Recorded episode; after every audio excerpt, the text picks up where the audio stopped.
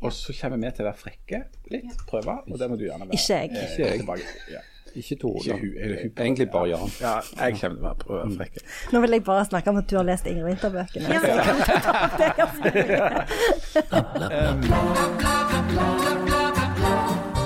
kan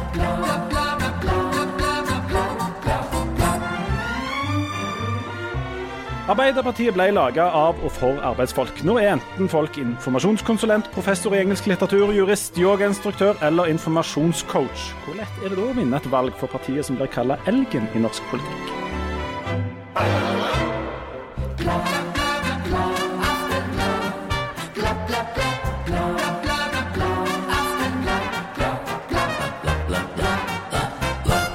Velkommen til Aftenbladet. Leif Tor Linde, du er så dårlig i politikk.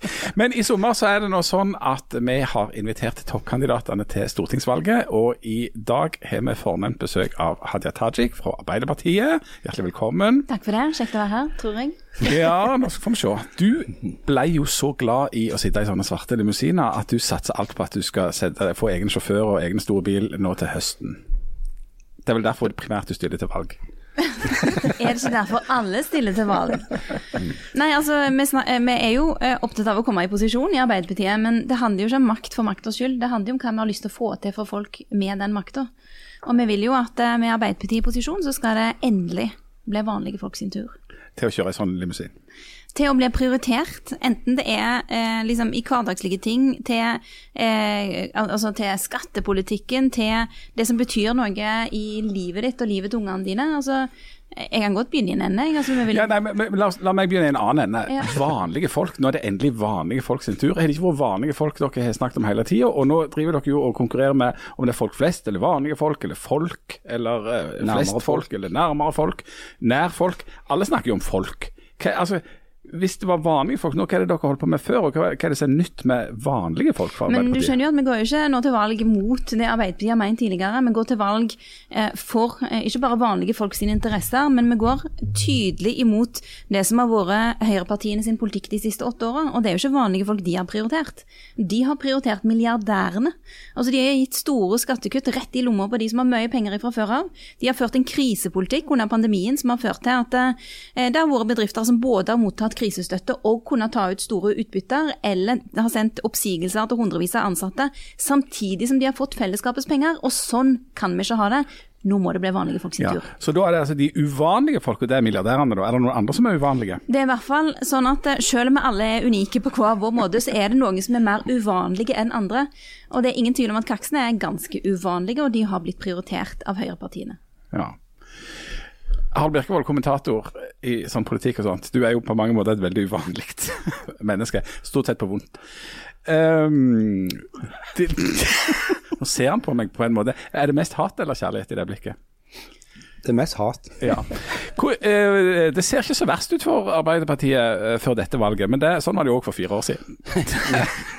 Ja, Du må ikke snakke. Du Skal ikke bli for positive her, sant? Minne, minne om det. Men altså, ja.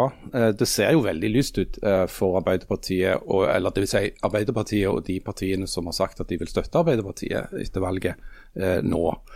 Men som du sier, Jan, så var det jo Det så jo fryktelig lyst ut for, for fire år siden òg, og da, da ble det jo ikke sånn.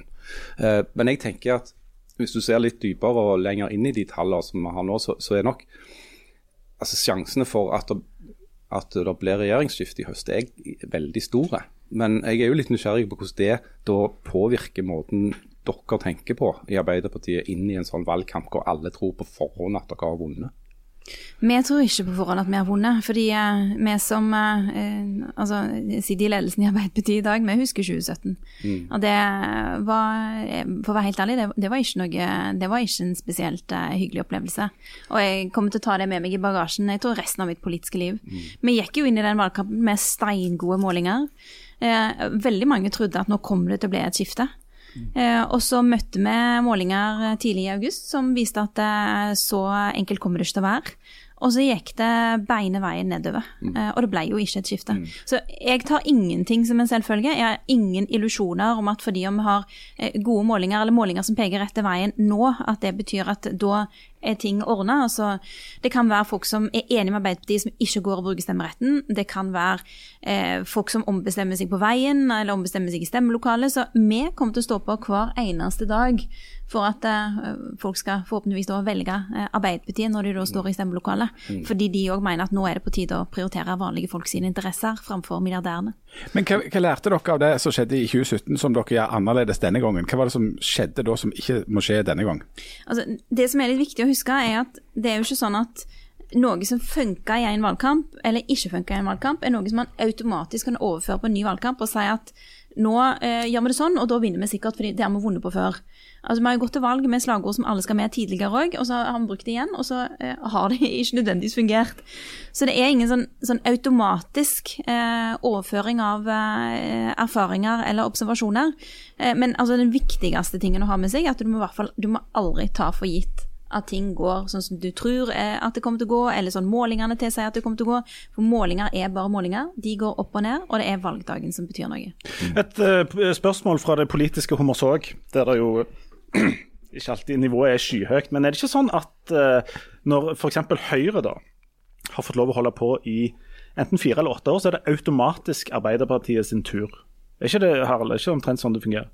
Ja, Uansett hva som skjer av andre ting. Jeg vet ikke hvor hvor, hvor, i stor grad dette har kommet helt til hos oss ennå. Men vi har i tillegg da, til de to partiene du nevnte, så har vi noen andre òg. Kjell Magne Bondevik?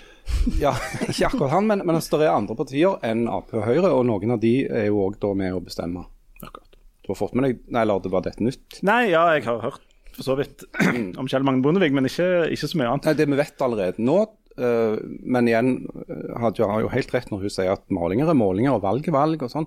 Men det vi kan anta, det er jo at eh, når stemmene er talt opp i høst, så er det jo ikke sånn at Arbeiderpartiet skal gå inn i regjeringskvartalet og alene. De må jo ha med seg noen.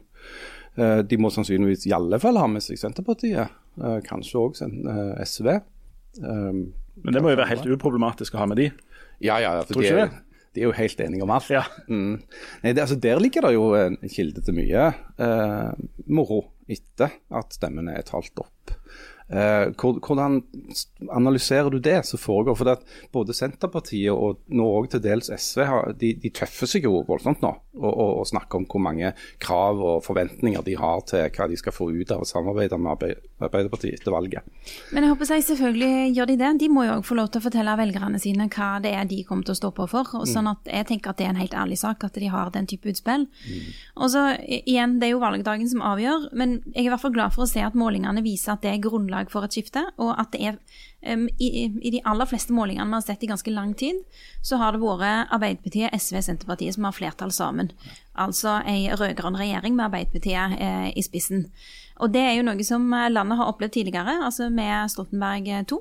Mm. Vi er tre partier som har samarbeidet godt. Vi har vist at vi får det til, selv om vi har ulikt syn på EØS, selv om vi har ulikt syn på Nato, selv om vi i utgangspunktet har hatt ulikt syn på handlingsregelen, og har jo opplever jeg at de to andre partiene har begynt å falle litt mer på plass i akkurat eh, den type økonomiske spørsmål. Men, men det viser i hvert fall at til tross for at vi eh, i en del viktige saker eh, har ulikt syn, har vi likevel klart å samle oss om noe av det som er viktig for landet, mm. nemlig det å få ned de økonomiske forskjellene mellom folk.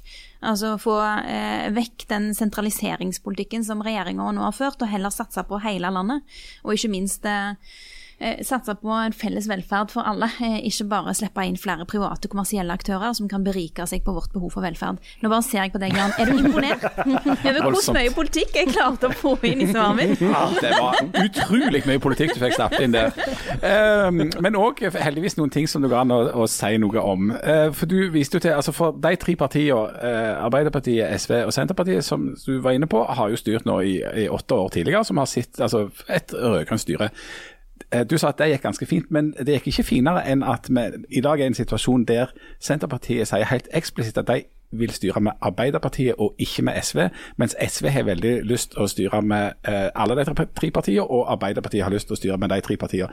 Det var altså noen sånn gnisninger og noen erfaringer av å ha et rød-grønt styre som har ført til at iallfall ett parti, og det som er i størst vekst, absolutt ikke har lyst å gjenta den eh, øvelsen. Er ikke det et litt sånn halvveis eh, godt utgangspunkt for, å, for dere når dere da ønsker å være de tre, at det ene partiet ikke har lyst til det? Altså jeg tenker at eh, Senterpartiet kan jo best sjøl forklare hva det er de tenker, og hvorfor de eh, uttrykker seg sånn som de gjør. Men vår opplevelse er jo at når de snakker om en Arbeiderparti-Senterparti-basert regjering, så sier de noe om hvilke partier som utgjør om si, størsteparten av en sånn regjering. Eh, Men eh, at det ikke har blitt avvist at man skal ha en eh, rød-grønn regjering bestående av de tre partiene, det vil jo valgresultatet måtte avgjøre, og det vil jo eventuelle forhandlinger måtte avgjøre. Men, men noe av grunnen til at Senterpartiet er skeptisk, er vel kanskje at de ligger lenger inn mot sentrum, altså lenger til høyre i politikken enn iallfall det SV gjør. Og så er det, det er to parallelle bevegelser som foregår nå eh, for tida, altså i Norge, på meningsmålingene For det er en økende oppslutning om ganske langt til venstre, altså SV og Rødt er i eh, medvind. Og så er det en voldsom medvind om Senterpartiet, som da ligger lenger inn mot sentrum. Eh, Men når Senterpartiet da ikke har så lyst å jobbe med SV, så handler det om at Senterpartiet nesten er et mer sånn borgerlig parti. Og Dermed kommer du inn, inn i en sånn skillelinje i Arbeiderpartiet, der det òg er en, en diskusjon mellom på en måte høyresida og venstresida, selv om det er inne Det samme finnes ingen borgerlige i Arbeiderpartiet. Nei, det finnes ingen Det borgerlige. dere. Men, men, sant? Men det handler jo om, om Arbeiderpartiet, hvis dere vinner valget, skal orientere dere mest mot sentrum eller mest mot venstre for å sikre flertall for politikken. Det kan godt hende at det er noen som resonnerer på den måten der. Eh, Det igjen, det får Senterpartiet svare for sjøl. Jeg opplevde samarbeidet med SV og Senterpartiet som veldig fruktbart og under Stoltenberg II. Vi fikk til gode ting. Altså, Vi klarte å bidra til at det ble skapt nesten 300 000 nye arbeidsplasser, der to tredjedeler var i privat sektor. Vi klarte å rulle ut en, en barnehagereform og en barnehageutbygging som har vært veldig betydningsfull for veldig mange småbarnsfamilier der ute. Og jeg tror òg at vi kan få til gode ting i regjering i lag på nytt. Um, Så det er i hvert fall det vi kommer til å jobbe for. Og så får velgerne avgjøre da, om de syns de tre partiene burde ha flertall sammen og få til ting sammen eller ikke.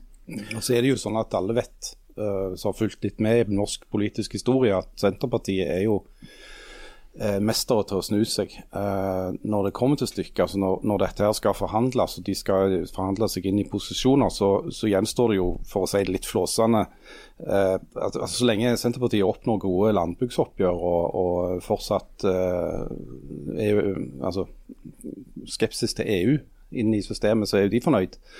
Eh, så jeg tenker jo at når dette vil komme på plass eh, Det som Vedum holder på med nå, og, partiet for øvrig, det er jo å sørge for at flest mulig stemmer på de akkurat nå. Er veldig Sånn spesiell taktikk det, når du er politiker og får Ja, altså, til bare den, er stemme på deg. den, det er jo den kjøttvekta du skal ha i de forhandlingene som betyr noe. Ja.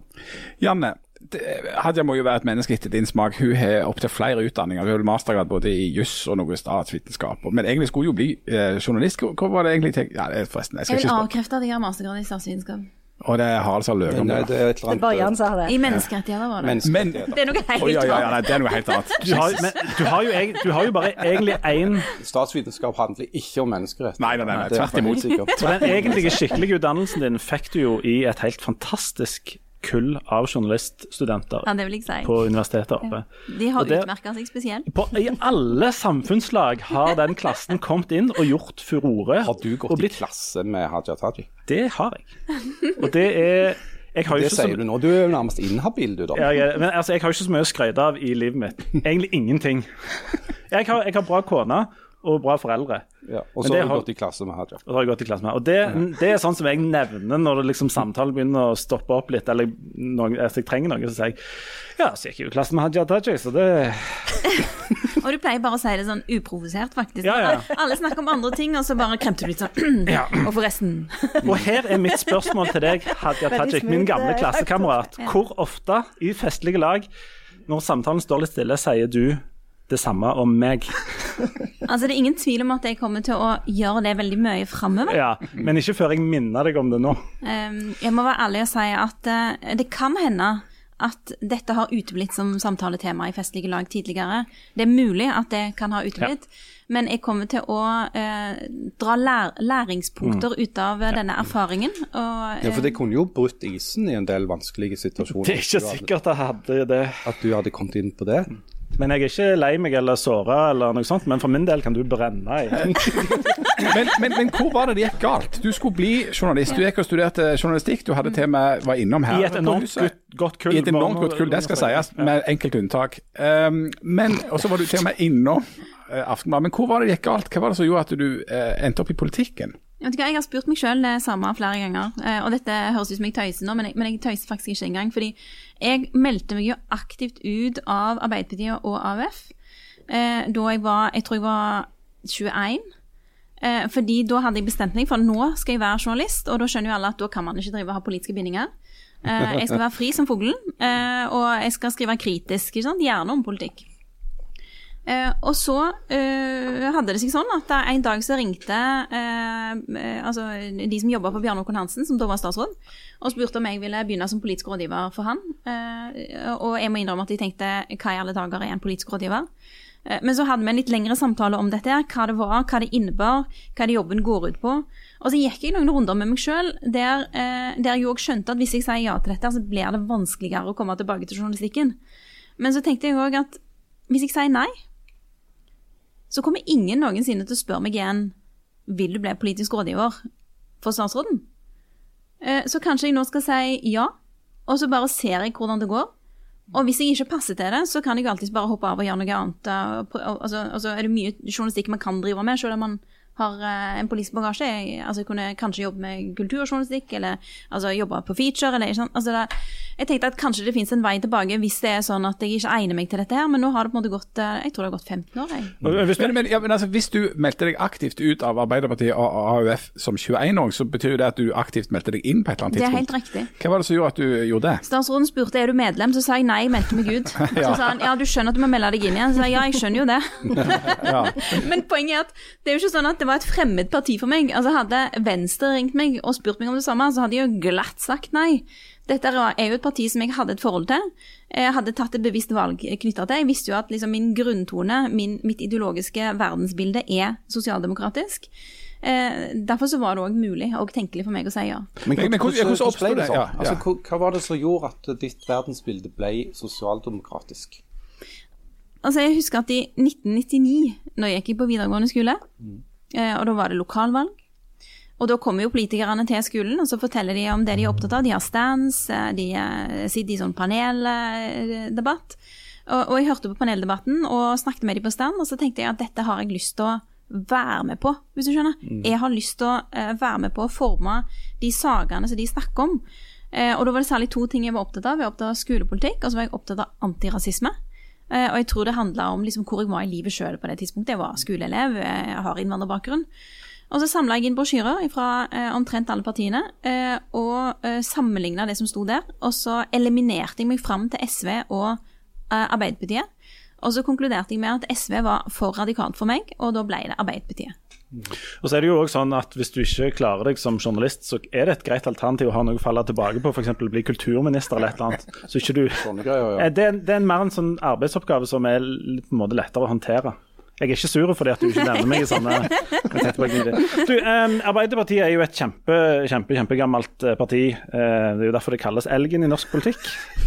Eh, Dette må du fortelle mer om. Fortell om elgen i norsk politikk. Det står på Jeg googla det nettopp. Eh, men eh, Janne Sikker Stigen på om det var ørnen. Ja, Det er pirk. det er pirk. Vi må komme videre. Janne, Jeg vil du, høre mer om hvem som er oteren i norsk politikk. alle vet hvem det er. Han ler veldig høyt. og sier på sånn. Ja, han er oteren i norsk. politikk. Han er oteren i norsk politikk. Du ser det på Jeg tenker bare at det er MDG. De Oteren er jo litt sånn leken type som eh, Og dette passer ikke på Vedum. Nei, jeg syns ikke han er så leken. Hvis det er de moralistene og, og dommedagsprofetene i MDG, de er lekne, de. Ja, de er litt sånn eh, Skikkelig. De lager, så, lager sånn dommedagssanger på Bamses fødselsdag og hva er det sånn. dyret? I verden skulle gå under i årtusen Hæ? Hva er det mest gravalvorlige dyret? Et Sånn, sånn Det mest alvorlige dyret i ja, Det må jo være MDG. Ja, det er mulig, det. Men det var ikke det jeg skulle spørre om. Nei, du skulle spørre Jeg skulle spørre Janne om noe. Eh, Arbeiderpartiet ble grunnlagt i eh, 1887. Er det noen av dere som vet dette? I Jeg tror det stemmer. Altså, Ja. jeg ser at du har Google oppe, så jeg går ikke an å konkurrere Jo, men det er så veldig liten skrift. men Janne, hvem, er- du måler jo hele livet ditt og alt mulig i litteratur, sant? Eh, Hvem var den heiteste eh, forfatteren i 1887?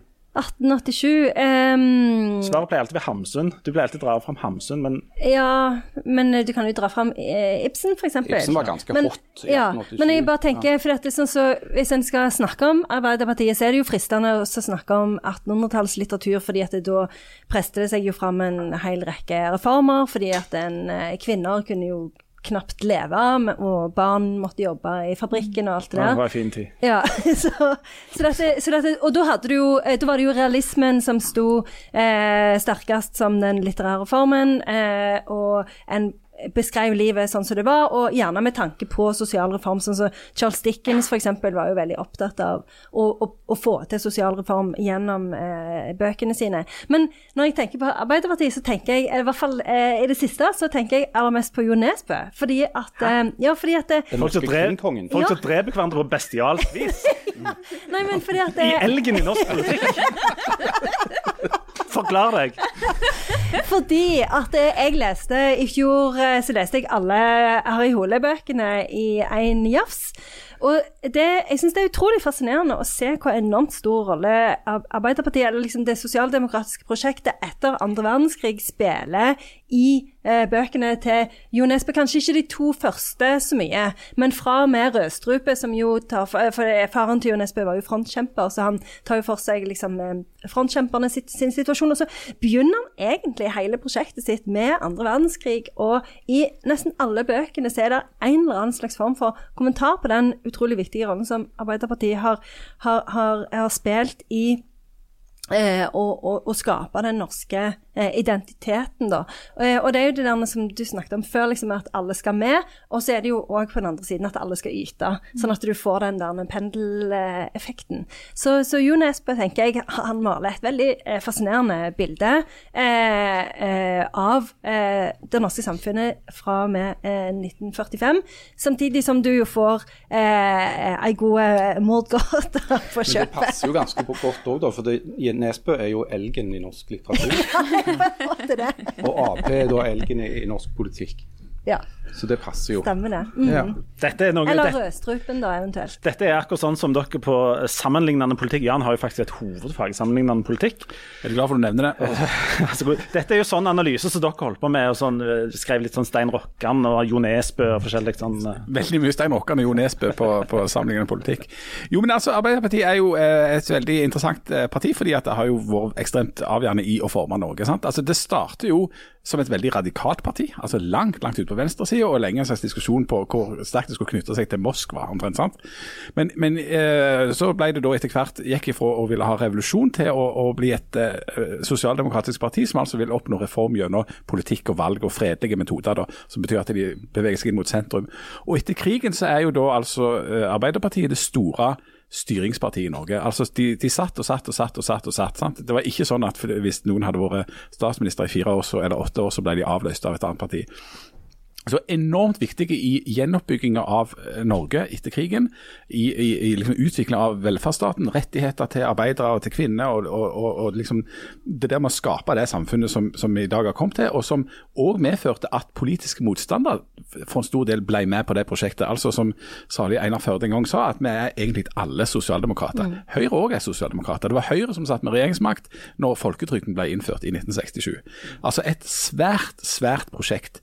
Samtidig så har vi da kommet til et punkt nå der det er jeg mener at det har blitt litt av et sånt problem da for, for Arbeiderpartiet. De var både veldig vant med å sitte og styre, noe som gjorde at de utvikla en viss arroganse. Eh, Hevda mange. altså De satt liksom med bukt og begge endene.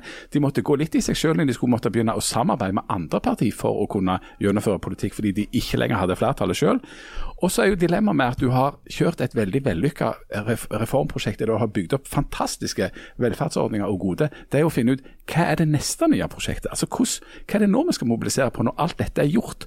Og Da havner du plutselig veldig sånn i marginene. Da er det, da er det, da er det liksom for noen veldig få. altså Hvis det skal handle om om, om eh, homofiles rett til å kunne adoptere. Da er du ute på en måte i noe som handler om veldig få folk istedenfor veldig mange folk, hvis du skal kjempe for at arbeidsdagen skal være sju og en halv time.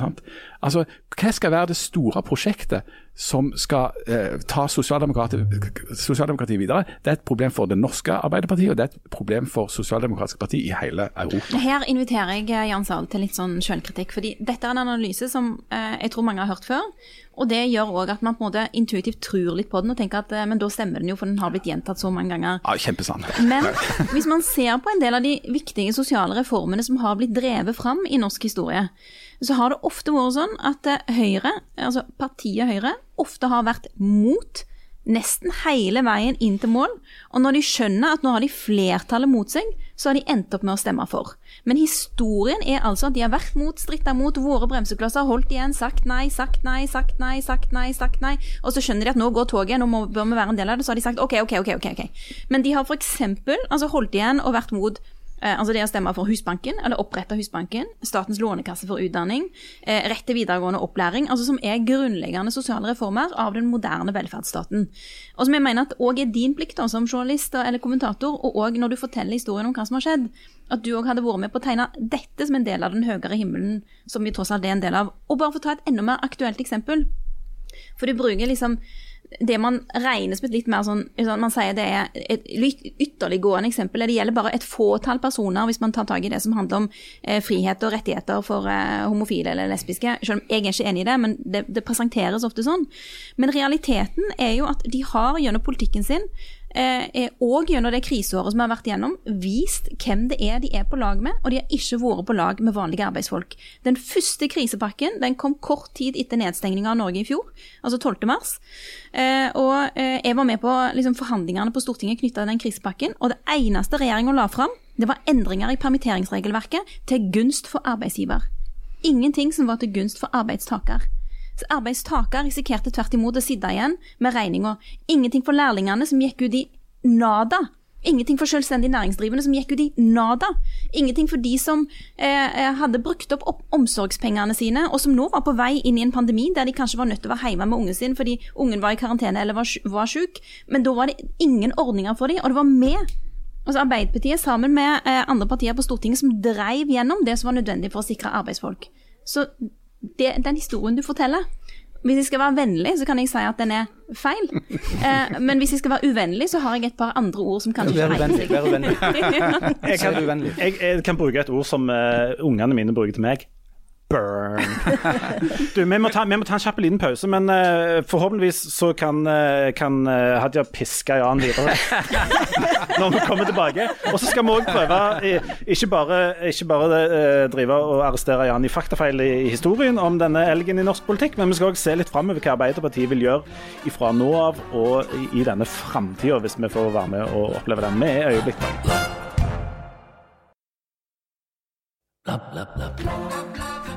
Hjertelig velkommen tilbake. Ja, Vi var inne i et fint eh, rønn her. Der ja. Du hadde, hadde sabla ned Jan på forbilledlig vis. Ja, ja. Hvis, hvis, hvis, vi skal holde oss til fakta og temperi da igjen, vil du si det, sånn at det går kjempebra med det sosialdemokratiske prosjektet og de sosialdemokratiske partiene rundt omkring i Europa? Altså, er det, er det, mm, det er tydeligvis sånn at det ikke er, er så lett å brande den historien om at det er den der store forskjellen, eller at det er det der store prosjektet der som appellerer til mange folk. Nå, nå, noe av det rare altså Dere ligger jo ganske godt an på meningsmålingene nå, men, men egentlig er det jo litt rart at etter åtte år med, med høyrestyre og såpass høyreorientert styre, at dere ikke er enda større. altså At dere ikke har enda større eh, effekt av at dere er et opposisjonsparti.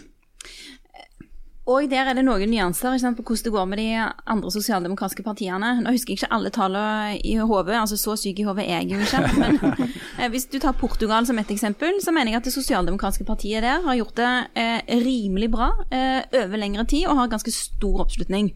Eh, tar du New Zealand, som jo har eh, en ung, kvinnelig dyktig statsminister med, med høy eh, oppslutning og troverdighet, hun har jo òg blitt gjenvalgt med god margin. Og viser at det går an å ha sosialdemokratiske prosjekter som det er stor oppslutning om. Og så er vi jo der i Norge at eh, Arbeiderpartiet har gjort det bedre før. Det er det jo ingen tvil om. Altså Såpass selvinnsikt må jo vi òg ha. Eh, men vi jobber jo på og eh, har et mål om å klare å skape tillit hos flere om at vi klarer å kjempe for dem, for deres hverdag, for deres saker, eh, for å få ned de økonomiske forskjellene mellom folk, og at vi skal klare å representere de interessene som, er, ja, som i dag ikke er godt nok representert i norsk politikk, fordi det er de pengesterke som har fått gjennomslag. Og det er eh, i hvert fall noe som er veldig motivert for å forsøke å få til. Da. Og det har mange ganger blitt sagt om Arbeiderpartiet at jeg vet ikke hvorfor de har sagt ørnen. Jeg skjønner jo at det er elgen det er snakk om, men det har blitt sagt at ørnen har landa. Det henger jo ikke på grein. og det sa man f.eks. om Arbeiderpartiet etter 2001-valget, altså da det var Stoltenberg 1-regjeringa som eh, gjorde eh, et sinnssykt dårlig valg. Eh, og da, da, bare mente man at nå er Arbeiderparti-æraen over. Men det man så, var jo at man klarte å få et Arbeiderparti som reiste seg igjen. Men som måtte drive med litt selvransakelse og brette opp ermene og jobbe på, selvfølgelig. Altså, Jeg er blant de uh, som mener at Arbeiderpartiet i, på landsplan i Norge nok har vært nede på, altså skrapt i bånn. Uh, og at potensialet for at Arbeiderpartiet skal bli uh, større, og kanskje til og med vesentlig større, er mer realistisk enn at det skal falle ytterligere. For Jeg tror òg at det som skjedde i, eh, i 2017 og som har preget Arbeiderpartiet litt for mye de siste åra, har vært at det har vært fokus på omtrent alt annet enn politikk. Det har vært mye interne stridigheter og støy eh, som har hindra partiet å komme igjennom med de politiske sakene. Så jeg tror nok at har, Ap nå har et bedre utgangspunkt for å snakke om politikk. Eh, og at jeg tenker òg at eh, altså de sånn, tendensene i samfunnet peker i retning av at, at det budskapet er lettere å komme igjennom med nå. Jeg tror f.eks. veldig eh, at det er veldig klokt av uh, både Haja og andre i Ap å hamre løs på dette med forskjeller og økende ulikhet. For det, det viser seg å være noe som det er ganske bred enighet om i Norge. Altså, vel, de fleste nordmenn syns at det er en god idé at de aller rikeste betaler mer i skatt. Hører du det, Janne? Sånn er det til, sånn er det til og med i USA. Altså, De fleste i USA eh, syns at det er en god idé at de rikeste betaler mer, for de ser at de bidrar så lite. Eh, så jeg tror nok at det er noe som det er et potensial i. Men samtidig så er jo ikke Arbeiderpartiet alene om å fiske i den dammen. da. Det er jo svært eh, aktive og aktivistiske partier til venstre for Ap som, som hamrer inn det samme budskapet, og det samme gjør jo nå òg Senterpartiet. Men Arbeiderpartiet har altså vært, vært med og lagd et land som er som fungerer tross alt såpass godt og har såpass mange, mange gode ordninger at det i seg selv altså, Er det sånn at vi er liksom i enden av det prosjektet, og at dere i Arbeiderpartiet må, må finne et annet stort prosjekt? Eller handler det om å vedlikeholde Norge, eller hva er det dere vil gjøre eh, når dere ramler inn i, i, i, eh, i makta f.eks. til høsten? Hvis jeg skal eh, nevne tre kjappe ting, og så bruker jeg mest tid på det, på det tredje, eh, så mener jeg at eh, de tre tingene som det er viktig å ta tak i nå, det er for det første eh, arbeid til alle. Og da er det sånn trygge jobber til alle. Ikke sånn at alle skal ha deltidsstillinger og midlertidige kontrakter og være på innleie og sånn. Altså faste stillinger, trygge jobber å gå til, sånn at du har en lønn å leve av. Og det er jo, unnskyld at jeg sier det, men det er jo superaktuelt, fordi det er såpass mange som opplever at framtida er litt utrygg, og at er, de økonomiske utsiktene er litt usikre. Eh, og jeg skulle nesten ønske at det ikke var sånn, altså fordi folk fortjener trygghet, men det er i hvert fall noe som jeg ønsker å ta tak i. Eh, det andre det handler om eh, en velferdsstat som er der for deg uansett hvem du er og hvor du bor. Eh, sånn som det er i dag, så eh, hjelper det å ha ei tjukk lommebok òg når du trenger hjelp, når du trenger omsorg, når du er sjuk eller dårlig eller halvt eller på seg spedalsk.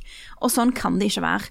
Og det skal heller ikke være sånn at eh, hvis du bor i eh, noen deler av landet, så føler du deg ikke trygg hvis du blir sjuk, eller ikke føler deg trygg når du eh, er på vei inn til sykehuset og skal føde. Altså, eh, bare for å ta et enkelt eksempel. Vi vil sikre at eh, de som bor eh, et stykke fra sykehus, eh, og som er gravide på vei inn til sykehuset, de skal kunne ha jordmor med seg i ambulansen. Fordi det er òg med på å gi trygghet hvis det skjer noe akutt på veien. Men det tredje eksempelet, som er et sånn veldig stort prosjekt, det er en rettferdig klimapolitikk. Og det jeg mener med en rettferdig klimapolitikk, det er å klare å føre en klimapolitikk som både kutter utslipp, altså som er effektiv, men som òg er sosialt rettferdig. Og det er ikke sosialt rettferdig hvis eh, regninga for det å bli et klimavennlig samfunn skal havne på vanlige folk sine lommebøker. Det er grunnen til at Arbeiderpartiet har gått i bresjen for f.eks. halv pris på ferjene. For det blir dyrere og dyrere å ta ferjer fordi man ønsker å bytte ut ferjene med mer miljøvennlige ferjer. Og det er jo vel og bra, men da må staten ta en større del av den regninga. Sånn at småbarnsfamiliene og pendlerne ikke sitter igjen med regninga for at vi skal bli et mer klimavennlig samfunn.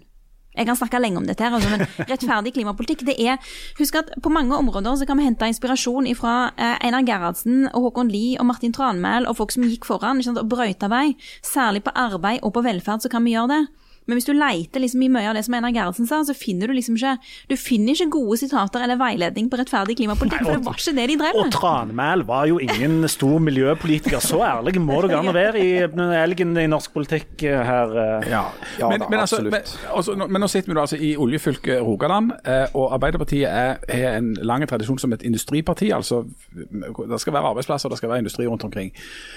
Og så er det jo sånn at Internt i Arbeiderpartiet så har dere et, et, mer eh, aktivistisk AUF som har klart å kjempe gjennom altså, uh, en, noen formuleringer rundt uh, oljepolitikk og hva som skal skje framover der. Som, som ikke nødvendigvis flyr så godt blant de som jobber i, i oljesektoren i et fylke som Rogaland. Altså, hvordan, hvordan manøvrerer du når du skal uh, skaffe deg stemme i, i, Rogaland rundt dette med klima og olje og næring og, og hvordan, hva vi skal leve av framover? Hva formuleringer tenker du nei, på? Jeg tenker ikke, nei, nei, nei, jeg tenker ikke på noe. Du tenkte vel f.eks. på at uh, tenkte ikke på noe. Gi det Altså, til Kom igjen, Hadia. Gi det til han. Gi det til han. Burn. Nei, jeg skal, nå skal jeg faktisk hjelpe Ja. han bitte litt. For han, trenger, Han trenger all den hjelpen han kan det. Altså, det var jo at uh, Arbeiderpartiet sitt landsmøte for eksempel valgte å si nei til uh, konsekvensutredning av områdene utenfor Lofoten, Vesterålen og Senja. Såkalte LoVC. Det ble jo av enkelte, da, særlig opposisjon, eller det, den motsatte politiske sida, liksom trukket fram som eksempel på at Ap var imot olja. Eh, Det er et interessant eksempel òg fordi det viser eh, hvordan diskusjonene knytta til eh, Lofoten, Vesterålen og Senja på ingen måte var isolerte AUF. Eh, sant? Man så jo òg at fylkeslag som Nordland og Troms Arbeiderparti, som jo er direkte berørt av dette her, eh, at eh, de òg var ganske tydelige på, hadde mange stemmer som sa at dette vil de ikke ha noe av. Både av, av hensyn til andre næringer som kunne bli berørt av det, men òg var også flere som ga uttrykk for at de trodde ikke noe på at det ville ha lokale ringvirkninger i form av arbeidsplasser, eller den slags som man jo òg har forventninger til. Og at da er på en måte inngrepet for stort og får for store konsekvenser. Men det som har vært viktig for oss når vi har lagd politikken vår knytta til olje, gass, eh, som da direkte berører leverandørindustrien, og som da òg skal bygge brua over til fornybarsamfunnet, er at vi har prøvd å forene det som eh, er representert, kan du si, i AUF, eh, som jo har et veldig sånn tydelig klimastandpunkt, med eh, de eh, flinke folka som vi kjenner i LO og i fagbevegelsen, som jo kjenner industrilandskapet veldig godt, og som er veldig tydelige på at vi må ha en politikk som utvikler og ikke avvikler eh, olje- og gassindustrien. Og de folka har sittet i samme rommet. Sant? Jonas har ledet programarbeidet med at undergrupper på alle områder, ikke minst på det som handler om en rettferdig klimapolitikk, olje og gass inkludert.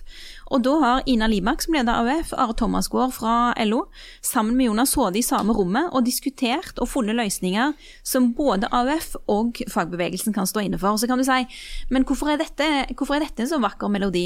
Eh, jo, noen kan elske det fordi kompromiss er deilig. Sant? Eh, Kompromiss er deilig fordi da får du faktisk gjennom politikk som står seg over tid. Men det er òg et fantastisk uttrykk for at de ytterpunktene som òg er representert i samfunnet vårt ellers, sant? går det an å forene gjennom det politiske arbeidet som Arbeiderpartiet representerer.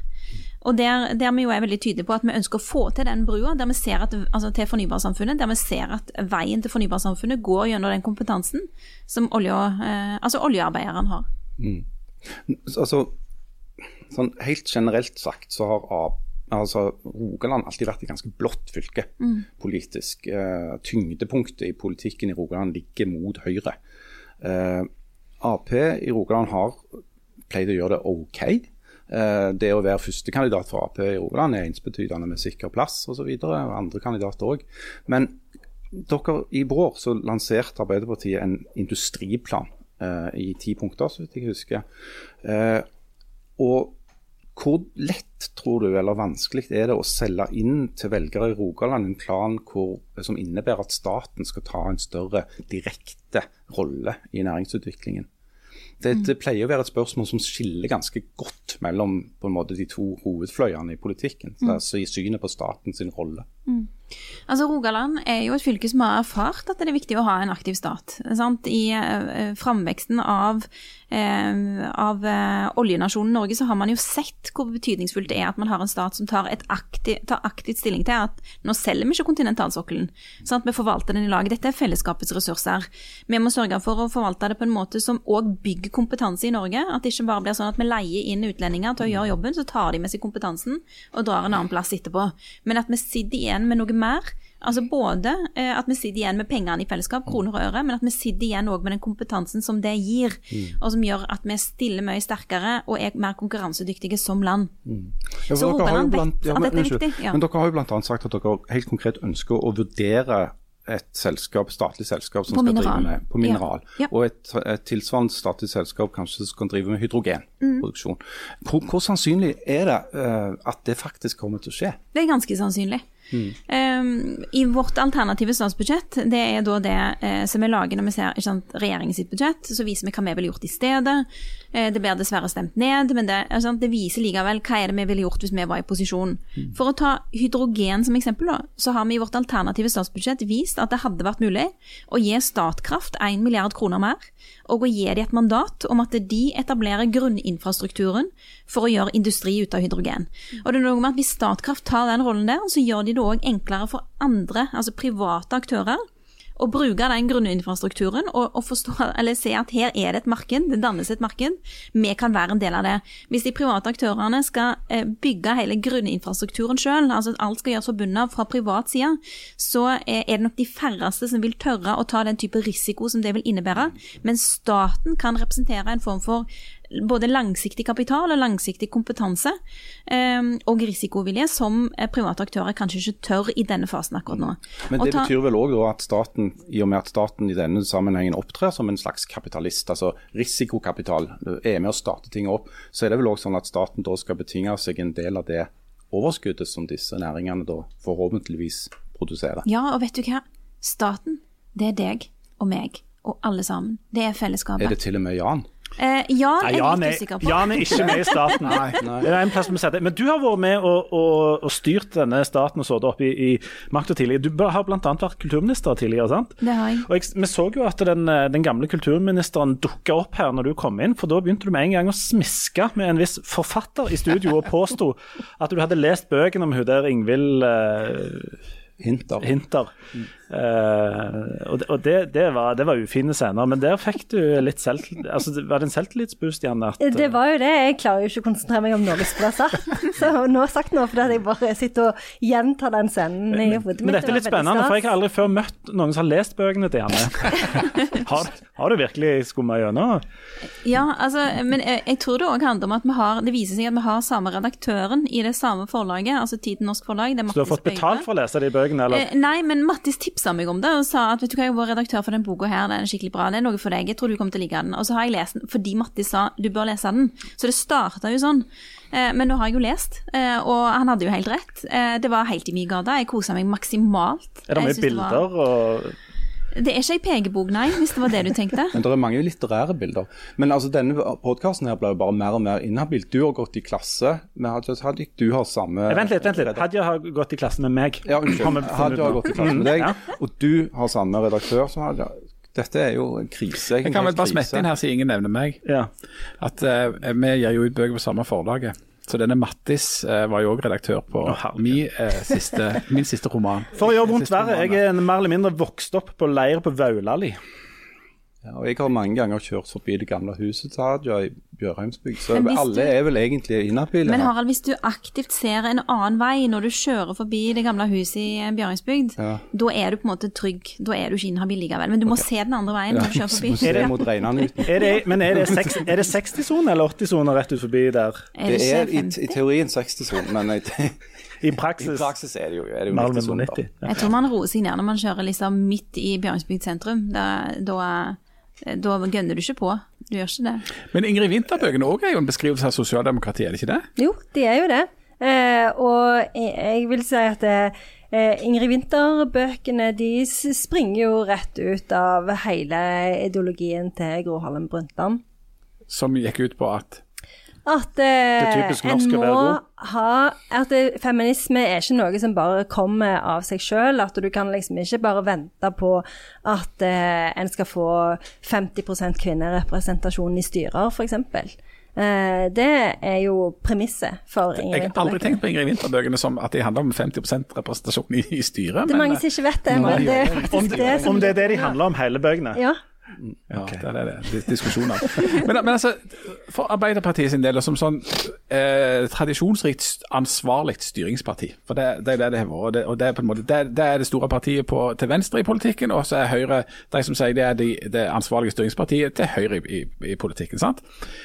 Der de skiller seg, der dere skiller dere ifra de som står lenger til venstre, da, det er at dere da må være ansvarlige, som på en måte er noe litt sånn gråere. Men det du snakket om, altså, om på en måte kompromisset med å, å forene ytterpunktene. da.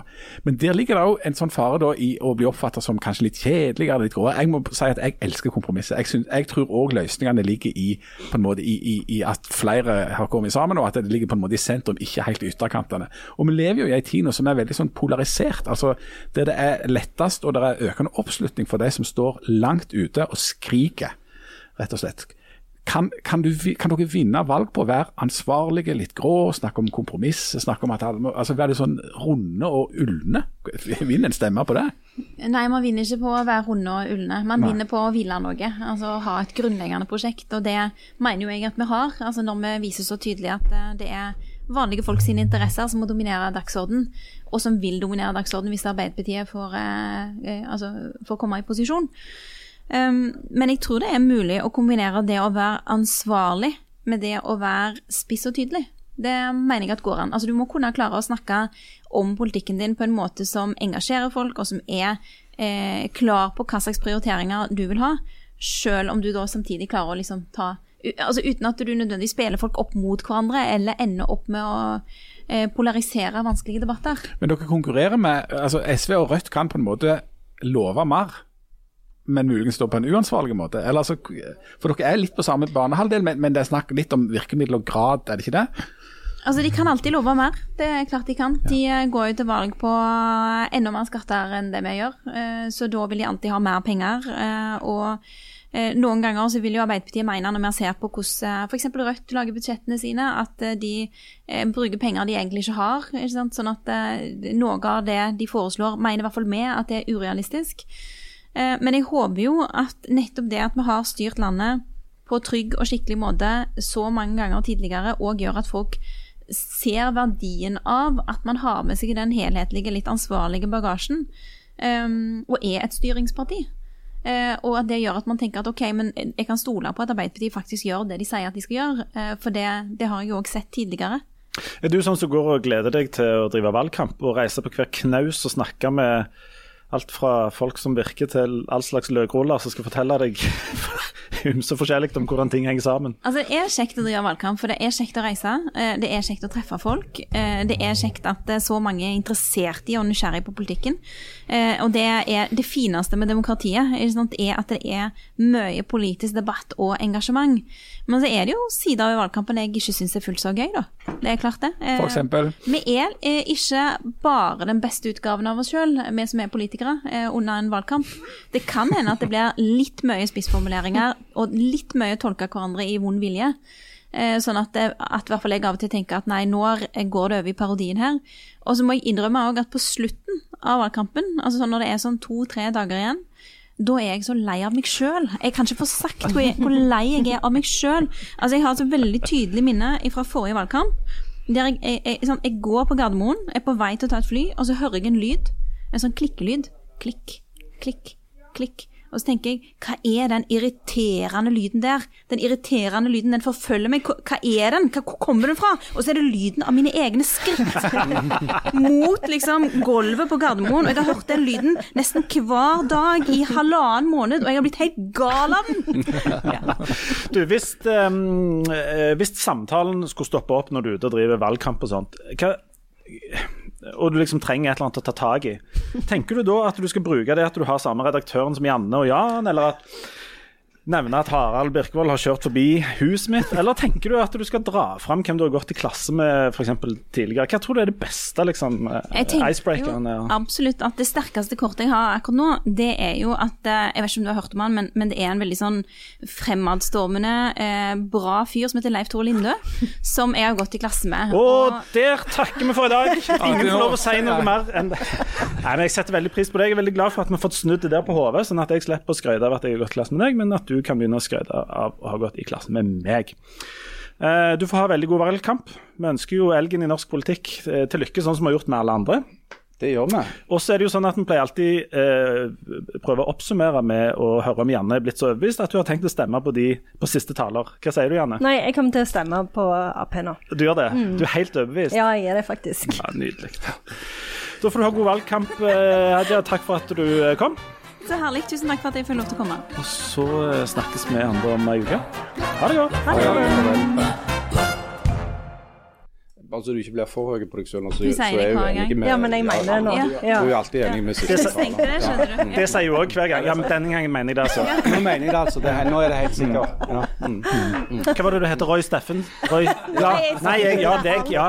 Jeg er, jeg er enig i det. Meg og deg har hatt samme redaktør. Nei, det Jo, var jo, jeg så det. Det var sånn. Jo, jo.